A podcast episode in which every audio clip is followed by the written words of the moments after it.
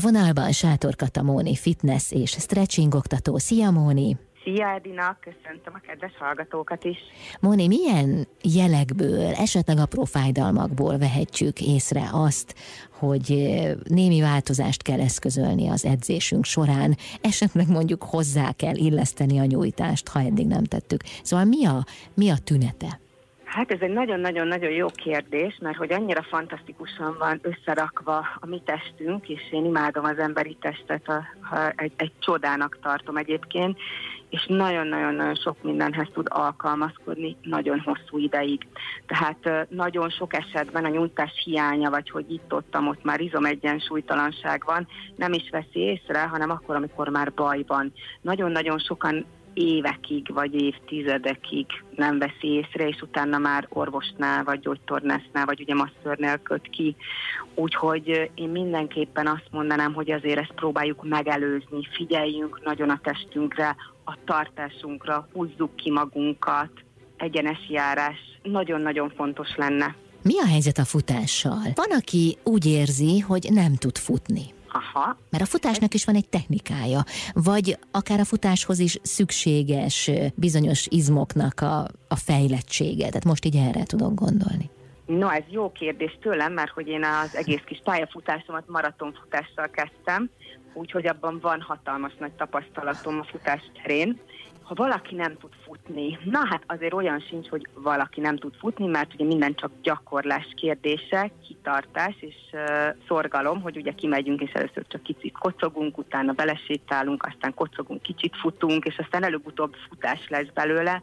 Nyilván itt is nagyon fontos lenne a jó futástechnika, nagyon sokan tényleg nem futnak jól hát ezt most így nehéz elmondanom, hogy, hogy nem tudom megmutatni, de mondjuk kifele dobálja a lábát, vagy éppen csosszogva fut, tehát nagyon sokféle olyan futást látunk, ami, ami, ami nem, nem szép, és szerintem nem is túl jó de itt is azt mondom, hogy kellene az alapoktól kezdeni, tényleg csak a kocogással. Én mindenképpen ajánlanék a futás mellé keresztedzéseket, mert jó, hogyha erősítjük magunkat, meg a felső testet is, hogy az kevesebbet használjuk, mint ugye maga a combokat, és nyilván itt is ajánlom az elején egy jó bemelegítést, tehát a futás nem bemelegítés, ezt ne felejtsük el, sose sokan hiszik azt, hogy akkor fussál, és az lesz a bemelegítés. Nem, a futás előtt is csinálunk bemelegítést, és a futás végén is lenyújtunk, tehát hogy ott is ugyanolyan fontos mint bármelyik másik edzésnél.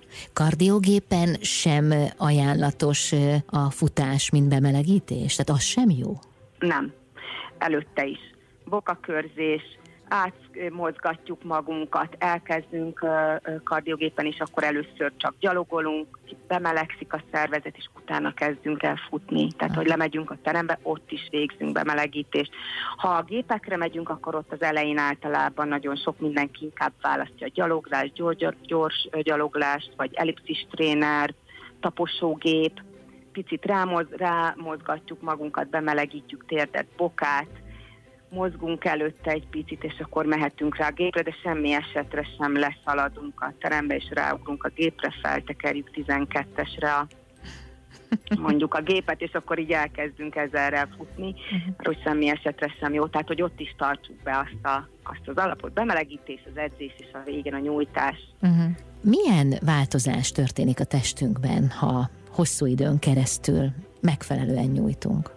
Hát... Ö- Beszélnék akkor inkább magamról, ugye teljesen más sportákból jöttem, ugye futással kezdtem, rengetegféle sportot csináltam, én mondanám azt inkább mindig, hogy nyújtogattam, inkább ezt mondom, tehát maga én sem fektettem ennek erre nagyobb hangsúlyt, és aztán úgy alakult az életem, hogy beleláthattam ebbe a világba, és rájöttem, hogy nagyon el, elhanyagoltuk ezt a témát, én magam is, és a sportolótársaim is, meg úgy általában a környezetemben akárkit beszéltem, vagy találkoztam, vagy edzettem, és én inkább elkezdtem erre a területre fókuszálni, és itt is tanulni, és saját magamon is ezeket kikísérletezni, hogy mit tudok csinálni.